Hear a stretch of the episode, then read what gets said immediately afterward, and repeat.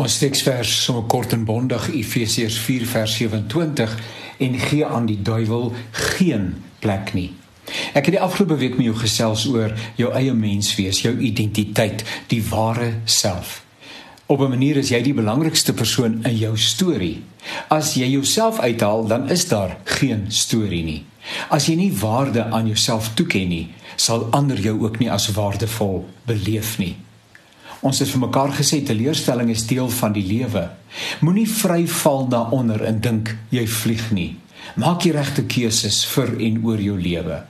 Moenie jou teleurstellings probeer oorkom deur jouself oor te gee aan losbandigheid nie.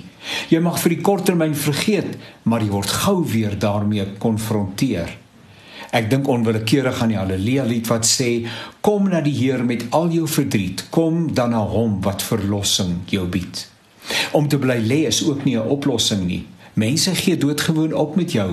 Vir 'n tyd lank verklaar dit wa boonop waarom jy so ellendig voel en nie aan die gang kan kom nie. Maar na 'n tydperk van rou moet jy daar weer herstel kom.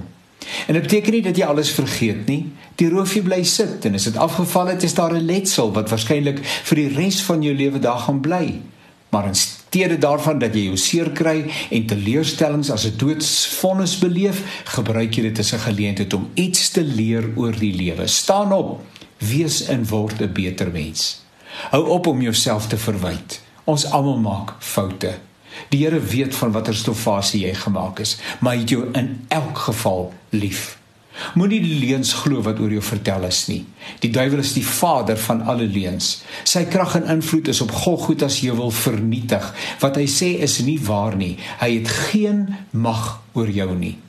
Reken vir eens en vir altyd af met die goed wat jou afknou, die leuns wat ander jou vertel het en die gevangenis waartoe ander jou verdoem het. Dis vandag Vrydag. Miskien wil jy jou vryheid eerskomende Sondag tydens die erediens gaan vier. En miskien wil jy volgende week as 'n vry man of vrou tegemoet gaan. Jou ware identiteit omhels en die man, vrou en kind wees wat God bedoel het dat jy sal wees.